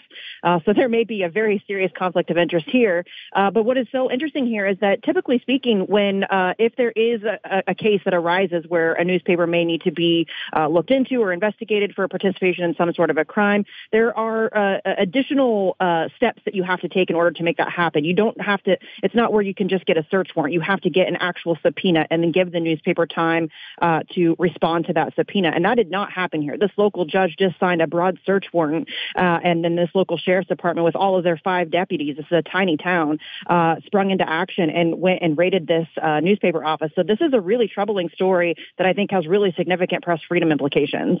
Yeah, you know, I'm I'm glad you brought that up because uh, uh, just I, I hadn't done a lot of research, but my immediate thought was there is a significant First Amendment issue when it comes to rating a newspaper, and any judge should have looked at that and said, you know, we got to run this through a panel of judges before we send you guys over there because they would have to be really clear. And, and, and to me, when you read the article, it shows you the warrant told them, which again, we question the warrant, that you can go over there and turks take certain things, and they interpreted it that they could take anything they wanted, which again shows why any warrant against a newspaper should go to it like a panel of judges and the newspaper should have the opportunity to challenge that, to challenge anything based on their First Amendment protections, Misty. Yeah, that's exactly how it's supposed to happen. That is not what happened here. This local judge needs to be investigated. The sheriff obviously needs to be investigated. If it turns out that this was uh, him attempting to silence a story that was potentially about him personally, that is at least the gist of what I'm getting. Uh, that there is a potential that that is what happened. Uh, this, this, uh, I mean, and, and, to be fair, I think uh, uh, everybody sprung into action here as soon as the story was announced and was reported on. All of the press freedom groups immediately came out and condemned this. So hopefully, this will be, and it, it looks as if it might be one of those kind of landmark cases in terms of press freedom. Uh, and it, it, it, truly is a very insane story. And hopefully uh, this will not become a habit here in the United States. There's another interesting and somewhat related piece in ScheerPost McCarthyism is back, and it's coming for the peace movement. As tensions between the U.S. and China escalate, we have unsurprisingly seen attacks against those who dissent from the prevailing foreign policy orthodoxy. Misty Winston. I mean, I don't. I, nobody should be surprised by this. This is uh, this is pretty common practice. Anytime there is a, and we've seen a bit of a resurgence of the anti-war movement over the past several years, especially since the conflict in Ukraine has kicked off. I think people are starting to uh, grow more and more tired of the endless war and the endless funding of war. I think is really more specifically what people are angry about. I mean, obviously, people are upset about war. Nobody wants war. I don't think, other than weapons manufacturers and people like that. But I think that uh, you know they are always going to attack the peace movement, and they're going people like Code Pink, uh, who and the People's Forum, who have both been uh, staunch advocates for the anti-war movement and have done numerous things, uh, numerous events and uh, active protests and things like that. So it's not surprising. It's disappointing, uh, but it is nice to see that um, you know uh, Chip Gibbons and you know the people over at Defending Rights and Dissent are coming to their defense, and I hope that others will follow suit. And you know, this also goes along with, if you remember the infamous PropOrNot story, where what yeah. we see now is this this movement to say, if you take a position that aligns with people that we don't like, if Bashar al Assad says it's raining and you say, yeah, I think it's raining, oh, you're using, you're saying proper, uh, you're, you know, you're saying propaganda because you're saying the same thing as that person. It can't be that you agree. It can't be that you don't even know that they said it, that you're just stating what you believe is the obvious. It's now gotten into that. To me, this is just a mechanism we can use to take out our enemies, to attack our enemies. And instead of actually having evidence that they did something wrong, that they received money from someone, we'll simply say, the evil person said it, and you said it, which means that you're working for the evil person. Misty. Yeah, I think we've seen that really escalate over the past several years. I think RussiaGate was a really great example of that, uh, and I think that it's just gotten worse. And I mean, I mean, uh, you know, my Twitter handle uh, is Comrade Misty is Putin's buddy as a joke because I was called a Russian agent so often just for speaking the obvious truth uh, about the Hillary Clinton campaign, the corruption there. So I think that this is something that we've been seeing. It's uh, beginning to escalate, uh, but really not surprising. This is a pretty common tactic that they use to silence dissent um, and and to punish those people who refuse to go along with the narrative. Sputnik International reports U.S. hints of plea bargain for Julian Assange only meant to placate media. Speculation around a plea bargain for jailed WikiLeaks founder Julian Assange may be just a way to appease the media while a deal is negotiated in secret.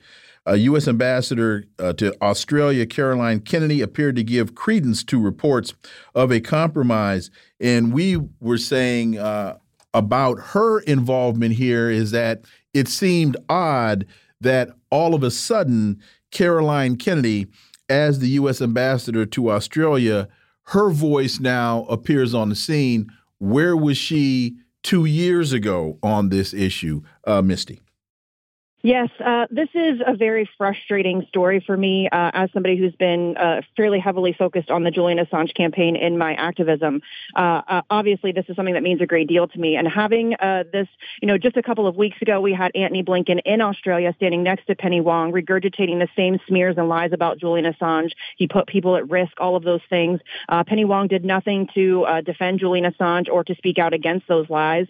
and now we have Caroline Kennedy, you know, kind of almost throwing throwing uh, some chum in the water for the Sharks. I think it's a very, uh, a very astute observation to think that this is just meant to placate not just the media, but also the activist base who is uh, uh fighting for Julian Assange and the future of press freedom. Uh, I don't know that she has any power or authority to be making these very vague assertions, um, but I think that it is absurd that anybody uh, would assume that Julian Assange needs a plea deal. He didn't do anything wrong. He committed no crimes. and so while I understand that that may be a way for him to get out of the ridiculous and precarious situation that he's in, being held in Belmarsh prison now for over four years. I think that uh, uh, this is just simply meant to uh, kind of, uh, you know, placate people, to kind of silence people. I think, but I do think it is good. I think it signifies that the uh, the push for the freedom for Julian Assange is starting to get under some skin, and I think we need to exploit that weakness. I also think he's not the only one in a bind for this reason. if they bring him here and start trying him, there's some big holes in there. That you know, the things that yeah. they did, the fact that they spied on him, the fact that they spied on his uh, attorneys, violated attorney-client privileges. There are a number of things that are not saying that it would plan to assassinate. Plan, yeah, exactly. Him. They plan yeah. to assassinate. Yeah. right. There are a number of things that should get that case thrown out immediately. So they would have to face up. So I I think, yeah, he's in a bind, certainly, and we want to get him freed. But they're looking also for, as they always say about Ukraine, they're looking for an off ramp and an off ramp for the U.S. media, who, if he gets over here, they're going to be in a bind as far as the position they have to take. Misty. Yeah, that's a very great point. And I think that they, I think the last thing that they want is for him, honest, frankly, I think the last thing that they want is for him to be brought here because that opens that can of worms and that is going to open those discussions that are going to have to be had. Uh, and I think that that's the last thing that they want. They've been able to kind of uh, avoid those conversations given that he's in the UK and he's not in the US. The US media has been able to avoid covering this case in any real or substantive way. They've been able to kind of just vaguely smear him uh, and, and, and use a lot of spin and propaganda uh, to, to cover it when they cover it, which is very rare. Uh, but I do think that you're right. I think that that's uh, something that they really do not want to contend with because that really does open a can of worms that they cannot close.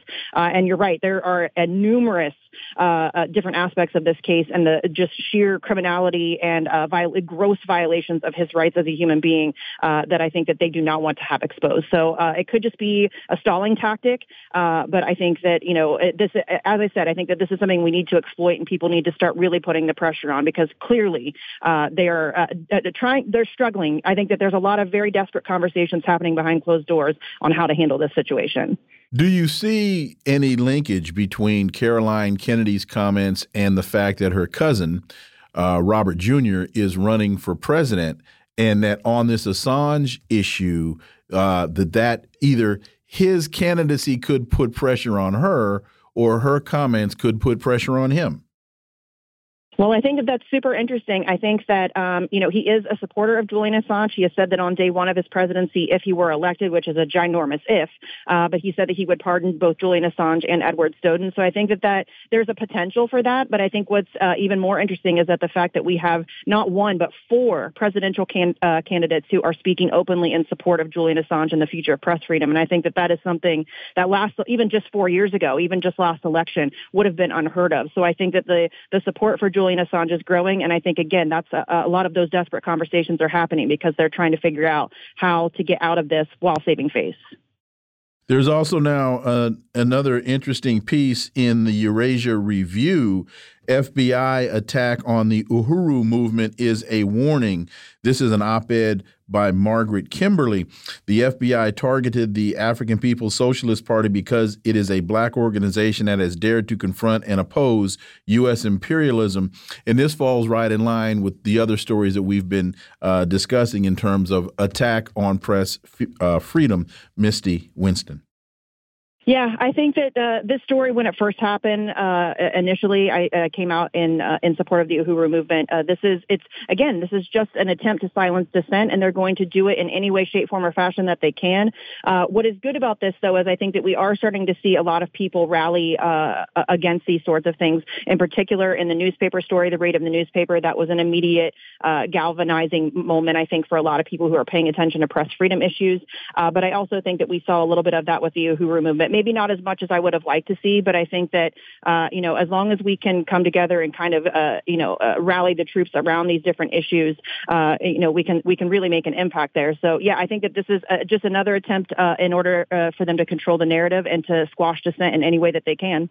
Isn't it interesting that the conversations we're having um, about um, uh, Code Pink, you know, about Julian Assange, about the newspaper, all of this all comes back to the First Amendment, to the issue of censorship. That at a time when the U.S. empire is up to its ears in trouble, that their method of dealing with it is to squash the First Amendment protections of its own population and the press thereof. Misty.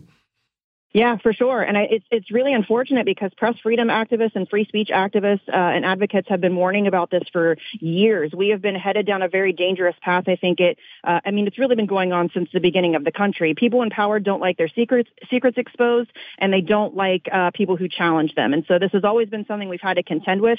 But I think, I mean, especially uh, ever since Barack Obama, that has uh, really he went after more whistleblowers and journalists than all other uh, presidents combined. And I think that that was really a tipping off point where we started to see an escalation on the attacks against the First Amendment. And that's, listen, we can't afford to lose that one. If we lose the right to speak, the right to educate ourselves and others, the right to have discussion and debate, we cannot effectively fight for anything that we care about. So that's the one that we just, we cannot afford to lose it. Misty Winston, as always, thank you so much for your time. Greatly appreciate that analysis. We look forward to having you back. Thanks. Anytime. I appreciate it, guys. Folks, you're listening to the Critical Hour on Radio Sputnik. I'm Wilmer Leon. I'm joined here by my co host, Garland Nixon. There's more on the other side. Stay tuned.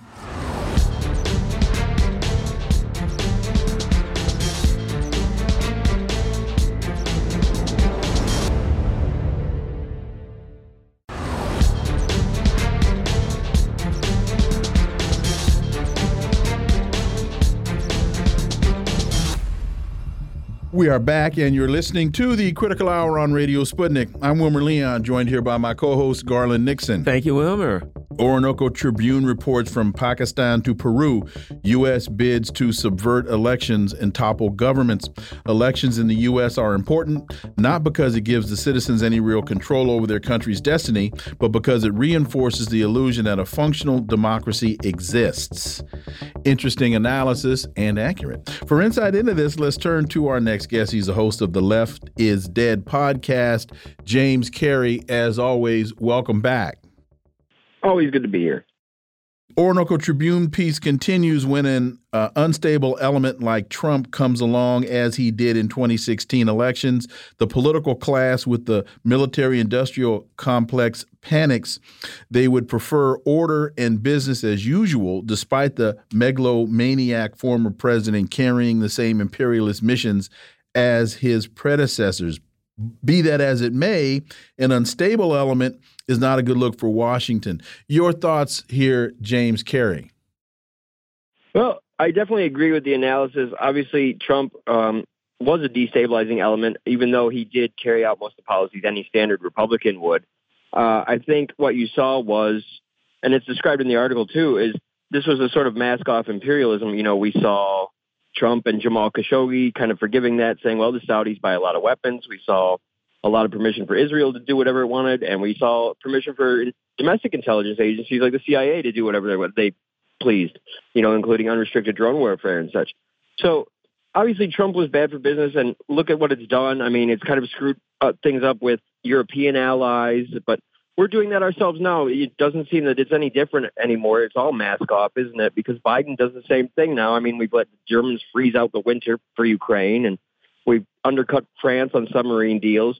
So I think that Trump may have been a sort of bald faces kind of thing, but it, it's pretty apparent now that the U.S., you know, in its last throes of being is incredibly desperate. And honestly, if you look at that article, there's not a lot of W's on the board.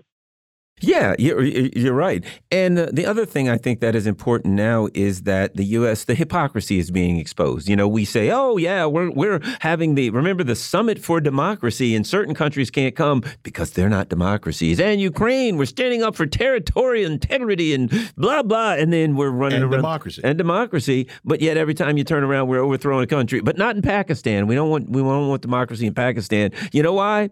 Because the leader's not doing what we want. Isn't that interesting? James. Yeah, I think the Pakistan one is a is a wild example for the Intercept obtained that uh, you know the letter from the Pakistan the U.S. ambassador to Pakistan over the last weekend, which you know showed that oh quote unquote all will be forgiven as long as you keep Imran Khan from office because Khan had an independent plan for Pakistan's future, and obviously that's not acceptable. Obviously, there's a crucial ally next to India uh, which we try to promote stability between the two. We also have it as balance for Pac- or Afghanistan, where we use it as a base of operations with the uh, Pakistani intelligence services. So it's a, it's essentially a U.S. base, and they want to keep it that way. You know, the, the military there is highly be, uh, they're beholden to the U.S. interests, obviously, and they take all of their arms and money from us. So they're in a, no position to argue with us if we want to use them as an Air Force base, and that's essentially what we use most of these countries for at this point. But the problem is people are starting to get sick of it, and the U.S. doesn't have any real way to exert power now, especially with another economic power on the other side of the world finally emerging. The interesting thing about Imran Khan was he wasn't like pro-Russian and anti-U.S. He wanted to maintain. He said good relationships with the U.S., good relationships with Russia, good relationships with China, and the U.S. oh no, that's not acceptable. You can't. You we will tell you who you can be related, and you will only be our puppet. And they threw overthrew one of the most populous countries in the world. I wanted I wanted to stay neutral and operate in the best interest of my country that that was his logic. So, but so with all that being said, uh, you, you so you now have Modi in discussions with President Xi. And so, since you, uh, what brought this to mind was you, we're talking about Imran Khan and, and and Pakistan. So you've got Modi having conversations with Xi about relieving their stress, resolving their issues. And so the reports was, oh, they had talks and nothing came of it.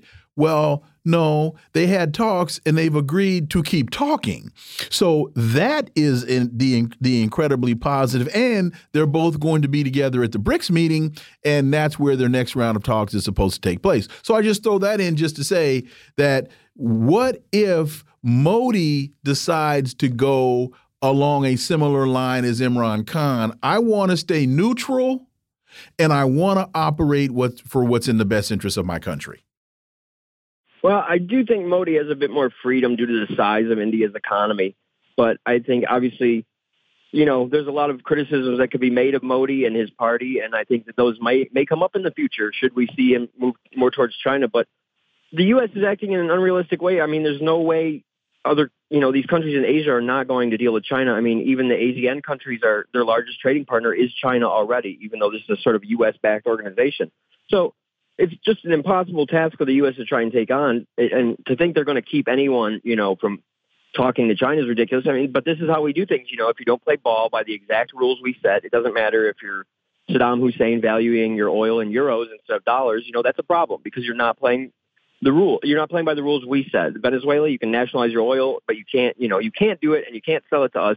We'll just extract it from you. You know, it's always a resource extraction and we've gotten pretty bad at it. And honestly, China seems to be offering up better deals. So unless the U.S. changes its tactic with people, um, obviously there's countries are choosing Chinese loans over IMF bailouts or World Monetary Fund money. So clearly there's a, there's an advantage to taking Chinese money and there's an advantage of doing business with China and they can produce almost anything we can at this point. Most of the stuff we have is produced there anyway.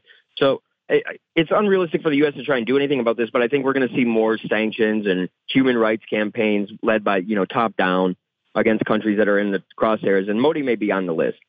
A great article in Greanville Post, The Great Leap Back Backward America's Illegal Wars on the World. It's a fantastic article. I recommend it to people. But here's the last paragraph that I want to get your comments on. In this scenario, no potential presidential candidate, even establishment party dissenter who does not call for both the end of the bipartisan Washington consensus and the end of the bipartisan military aggression, can reverse the to totality of the international wrong or stem the domestic dissent into social uh, uh, brutalization.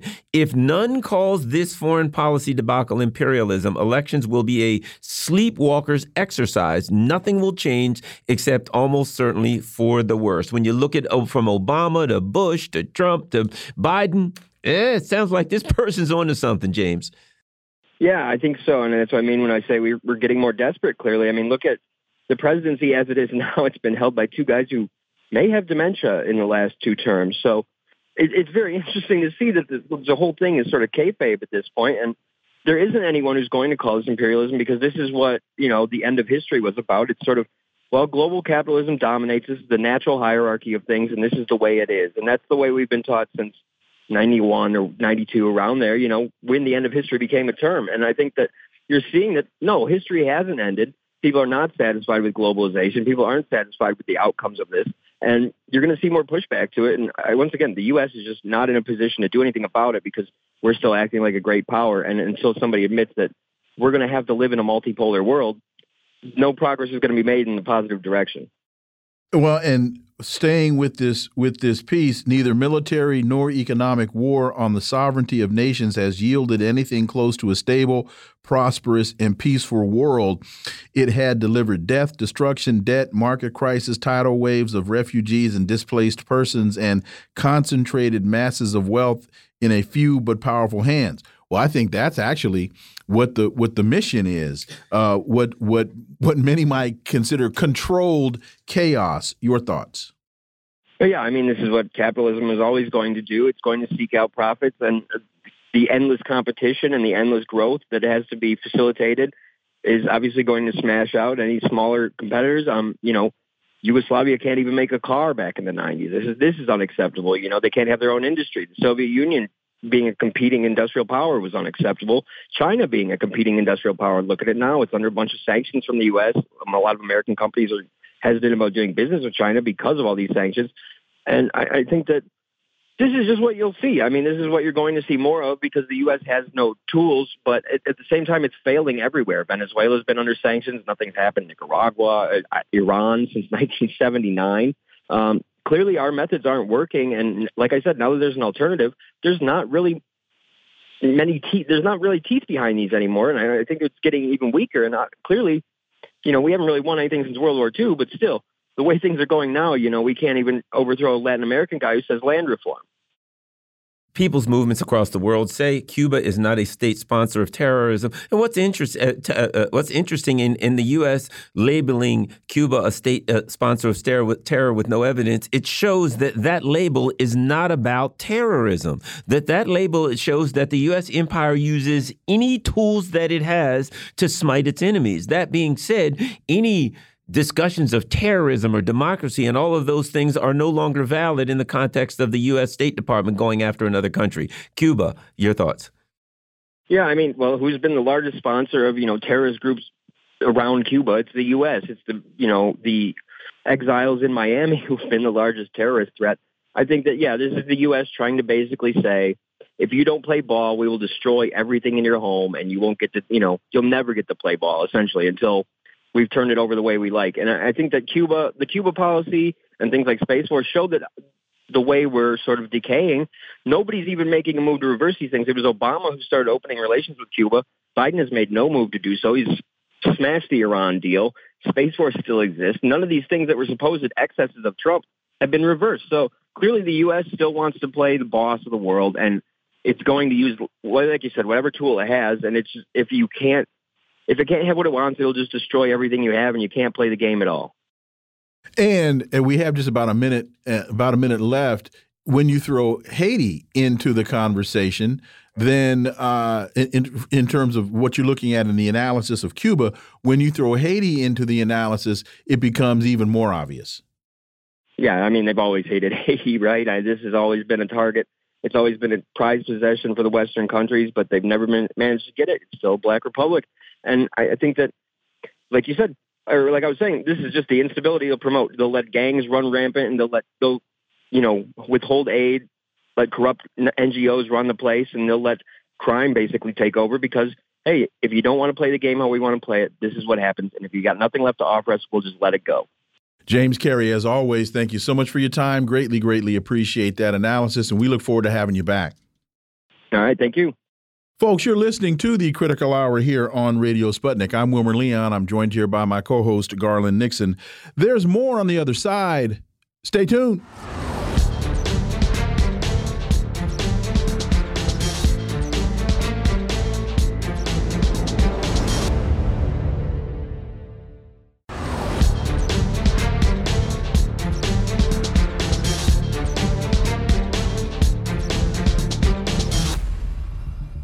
We are back, and you're listening to the Critical Hour on Radio Sputnik. I'm Wilmer Leon, joined here by my co host, Garland Nixon. Thank you, Wilmer. The Wall Street Journal reports stock market rally makes more 401k savers millionaires. The average retirement saver with a seven figure balance is 59 years old. The number of people with at least $1 million in their 401k accounts has grown about 25% so far this year.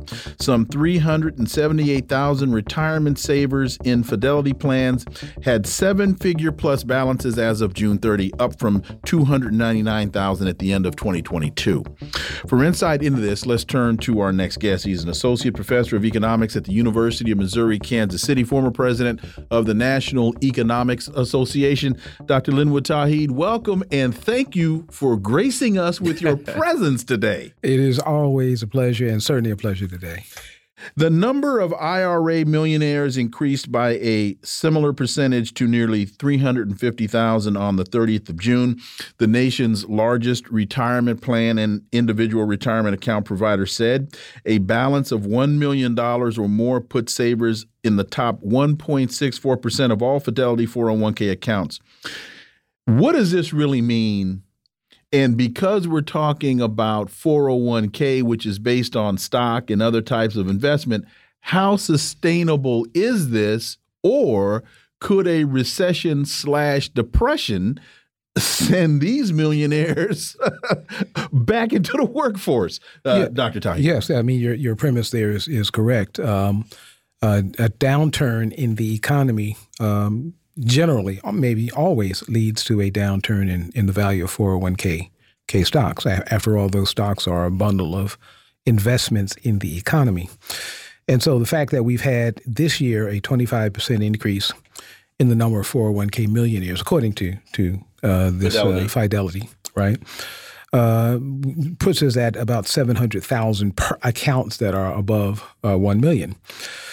But it is still below the 2021 peak. In 2021, we had roughly 818 uh, 401k accounts that were uh, more than a million dollars. Uh, so this is not a kind of a continuous increase. This is a rebound from a from a from a downturn right? That last downturn uh, in 2022, there was a 32% drop in valuation. So we went from 818,000 persons with over with over a million down to 556 uh, persons with um, more than a million. And so we are we are rebounding. We are recovery from recovering from a past downturn. So so there's extreme volatility volatility in these 401k uh, accounts.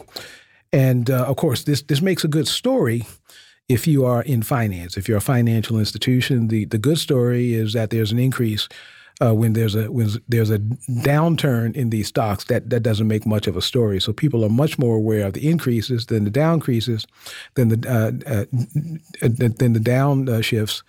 And uh, this is, of course, also coming at a time when the Republicans are wanting to privatize Social Security, and uh, they're look they're offering these type of 401k uh, accounts as an alternative to Social Security with an idea that if you have your account here, you can make a lot of money, but you can also lose a lot of money very quickly.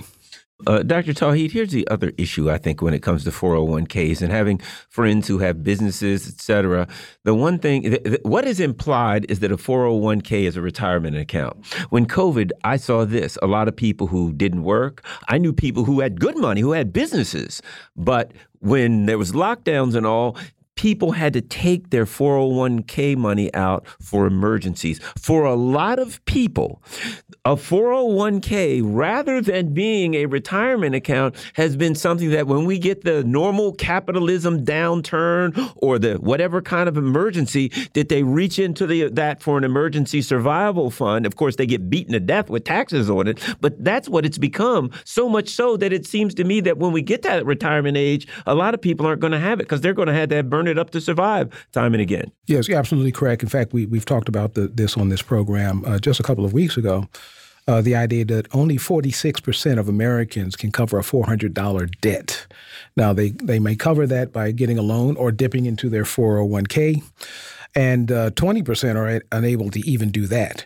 And so, um, uh, 36% of 401k holders are making hardship withdrawals, which come with a 10% penalty. And the average withdrawal uh, for those making hardship withdrawals is $5,000. And so we have lots of persons who are dipping into their 401k because the rest of their economic situation is so dire. We look at also this in terms of 350,000 people in June had 401k programs worth a million dollars or more. there are 339 or uh, 332 million people in the country. Now, of course, not all of those people are retirement age, but just for the sake of this conversation, a million dollars in retirement if you if you retire at 70 a million dollars you may run out of there'll be more month at the end of the money as the as they say. Uh, and then when you factor in this whole thing about reverse mortgages and they are hyping these reverse mortgages what i don't hear discussed is why these products had to be created in the first place and what does the creation of these products really mean? When you have to do a reverse mortgage, basically extracting the value out of your home to supplement your income what happens to intergenerational transference of wealth? Well, you you you hope that you can um, uh, don't uh, well that that you die before you run out of your 401k um, excuse me your your reverse mortgage payments. Uh, but of course, if you if you withdraw that, you, you bring down your equity. You have nothing to leave to to your your, your descendants. And so, you know, of course, the, the reason for that is that is so many people, of course, have uh, don't have enough money to retire on, even with a million dollars. The average person over 65 spends about $50,000 a year. And so even a million dollars is only going to last you 20 years, uh, you know, without inflation or interest rate, but it's only going to last you 20 years. And uh, reverse mortgage is going to last you uh, uh, less than that because most reverse mortgages are not million dollar on million dollar homes, and so maybe you have five, ten years on a reverse mortgage. After that, you have no equity, you have no supplemental income, and now you have to start paying the rent on the house that you used to own, and, and that rent is going to be whatever level the owners uh, want it to be. So yeah, the, the, the, the reason that we have these 401k, uh, so many 401k, well, so few 401k millionaires or things like reverse mortgages is because the average person cannot make $400 uh, emergency payments if they needed to. Here's an article I think that's down the same line. We're talking about intergenerational, intergenerational wealth, how people survive. 62% of student loan borrowers say they're likely to boycott repayments, with U.S. federal student loan payments set to resume in a matter of weeks. Six in 10 borrowers say they're likely to boycott uh, uh, repayments, and I think they're boycotting them because they don't have the money. To, I don't know if I'd call that a boycott if you ain't got the money. But your thoughts on that, Dr. Tauheed? Yeah, one of my colleagues, Michael Hudson, you, you know him, has has has a statement. He says uh, loans that can't be uh, repaid won't be repaid. you know, so so if you if you can't pay because you don't have the money, and and there are three reasons that these uh, persons who are saying they're going to boycott uh, are given. One, they don't have the money. First reason. Uh, they haven't been paying uh, during the pandemic, so why should they start now? You know, their their budgets, in fact, are are even uh, strained without having to have paid, and they are also aware of the fact that this is a predatory and unfair system that Joe Biden promised to at least give some relief to. Uh, we some would say that he attempted. I, I said that he I say that he set it up for failure uh, to pretend that he was attempting uh, the, the ten thousand or twenty thousand dollar forgiveness. Uh, but that wouldn't have forgiven uh, all of the of, of uh, anyone, almost anyone's uh, uh, total student loan debt. And and you're right. This is really not a boycott. Boycott. This is a loan that can't be repaid, and therefore it won't be repaid. I suppose if if uh, it's good to see that students are at least thinking about fighting back, pushing back on this process. They're joining the political system by um, saying they're going to boycott and perhaps that will influence uh, the Democrats in particular to to be serious about student loan repayment. So I'm good. Um, it's good to see that, but but students are in dire strait, particularly millennials, and they're not going to be able to pay this back, and so they may as well join the boycott. Can I make a quick one other quick statement, and that is, and you know the other part of it. More and more young people are saying, "I'm not going to bother to go to college." They aspire to go to college. They're brilliant. They have, but they're like, "Well, you know, my buddy works at the pizza shop." I, I, if I get out, all I'm gonna get a job is at the pizza shop anyway. But I ain't gonna owe. He's gonna. He's not gonna owe what I owe. And so, isn't doesn't that also hurt our ability to have a viable workforce? Well, you know, uh, education, uh, what what economists call human capital, is the foundation of of economic growth. I mean, it, this is not a new phenomena. Uh, certainly, as far back as Adam Smith, this was understood that the wealth of nations depend on the productivity of people, and that uh, the productivity depending on depends on what people know. Now, it, it's it's not an idea that everyone should go to college, but but if some of the economy, in terms of the high tech fields and so forth, those folks need to be trained in a college setting or at least a post uh, uh, high school graduation setting, and they're deciding they're not going to do that because they can't afford to do that. That is a drain on future economic productivity. And what is uh, Taiwan saying? Uh, TSMC and their plant that they were planning to build here. We can't find the qualified workers in the United States, so, so TSMC took their plant and their money to Germany. Uh, Wall Street Journal, the Inflation Reduction Act flim flam. Biden touts it though it has killed jobs and spurred inflation. Is this inferring that we can't trust Joe Biden, Dr. Linwood Tauheed? Well, well, this is. If I, you I, can't I, trust Uncle Joe, what's what's to come of us? Well, I think there are two ways to think about this article. One, it is a, it is a conservative hit on on mm -hmm. uh, what we would call Keynesian economics. Where they're they're saying that it's actually going to cost 2.8 trillion instead of 700 trillion and we are spending our children's inheritance. That's that's the republican line. But of course if if if you are not spending for education your children will be dumb as a box of rocks. And so so they they won't won't be able to hold on to any money that you save for them anyway and so, but but that's that's the conservative issue.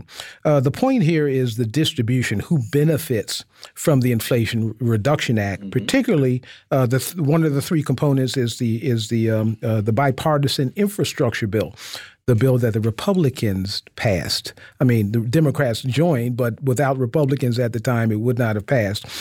And we talked about this a long time ago uh, this idea of what's called asset recycling, mm-hmm. the process of setting up the private ownership of public goods. That's in that bill. That's a that's a poison pill in that bill. It hasn't been talked about for a while. So so so that in the um, uh, Inflation Reduction Act, the bipartisan uh, bill, was not a bill that Republicans were against, which should which should make it suspicious. Uh, you know, uh, immediately. There are lots of things in that bill that will take public infrastructure like streets and roads and bridges and turn that over to the private sector. Now, one of the pushers of that bill was was Rahm Emanuel, you, you know, uh, the former um, uh, mayor of Chicago, who implemented these type of programs in Chicago, and people in, in Chicago are finding that they can't uh, afford to put money into parking meters because they're too expensive, and so forth and so on. So this is very much a neoliberal policy. And um, you know, so while the Republicans are saying that the um, the uh, Inflation Reduction Act is spending too much money, that money that's being spent is going into the, into the private sector, is going into uh, into the wealthy. So that's kind of a crocodile tears on that. Uh, on the other hand, they are um, the, another part of that bill is the uh, the Chinese uh, the the Chinese Control Act. I forget exactly Chips what it's or something. Yeah, the, yeah, the Chips Act, uh, and uh, there's a there's an attempt in that act uh, to uh, to boycott um, um, to to to bring climate change resources into into um, American control. Things like lithium, nickel, cobalt, copper, and rare earths, all of which is controlled by China. And so, you know, the Chinese are are are are the target of that of that uh, act, but they're also uh, the U.S. is shooting itself in the foot by by restricting its, its access to to uh, Chinese resources. And so, if you have no resources, you can't build chips and you can't build other other, other industry. Dr. Linwood Tauheed, as always, thank you so much for your time. Thank you for gracing us with your presence today and your brilliance, as always. Look forward to having you back. Thank you, sir. Folks, you've been listening to the Critical Hour here on Radio Sputnik. Thank you for allowing our voices into your space.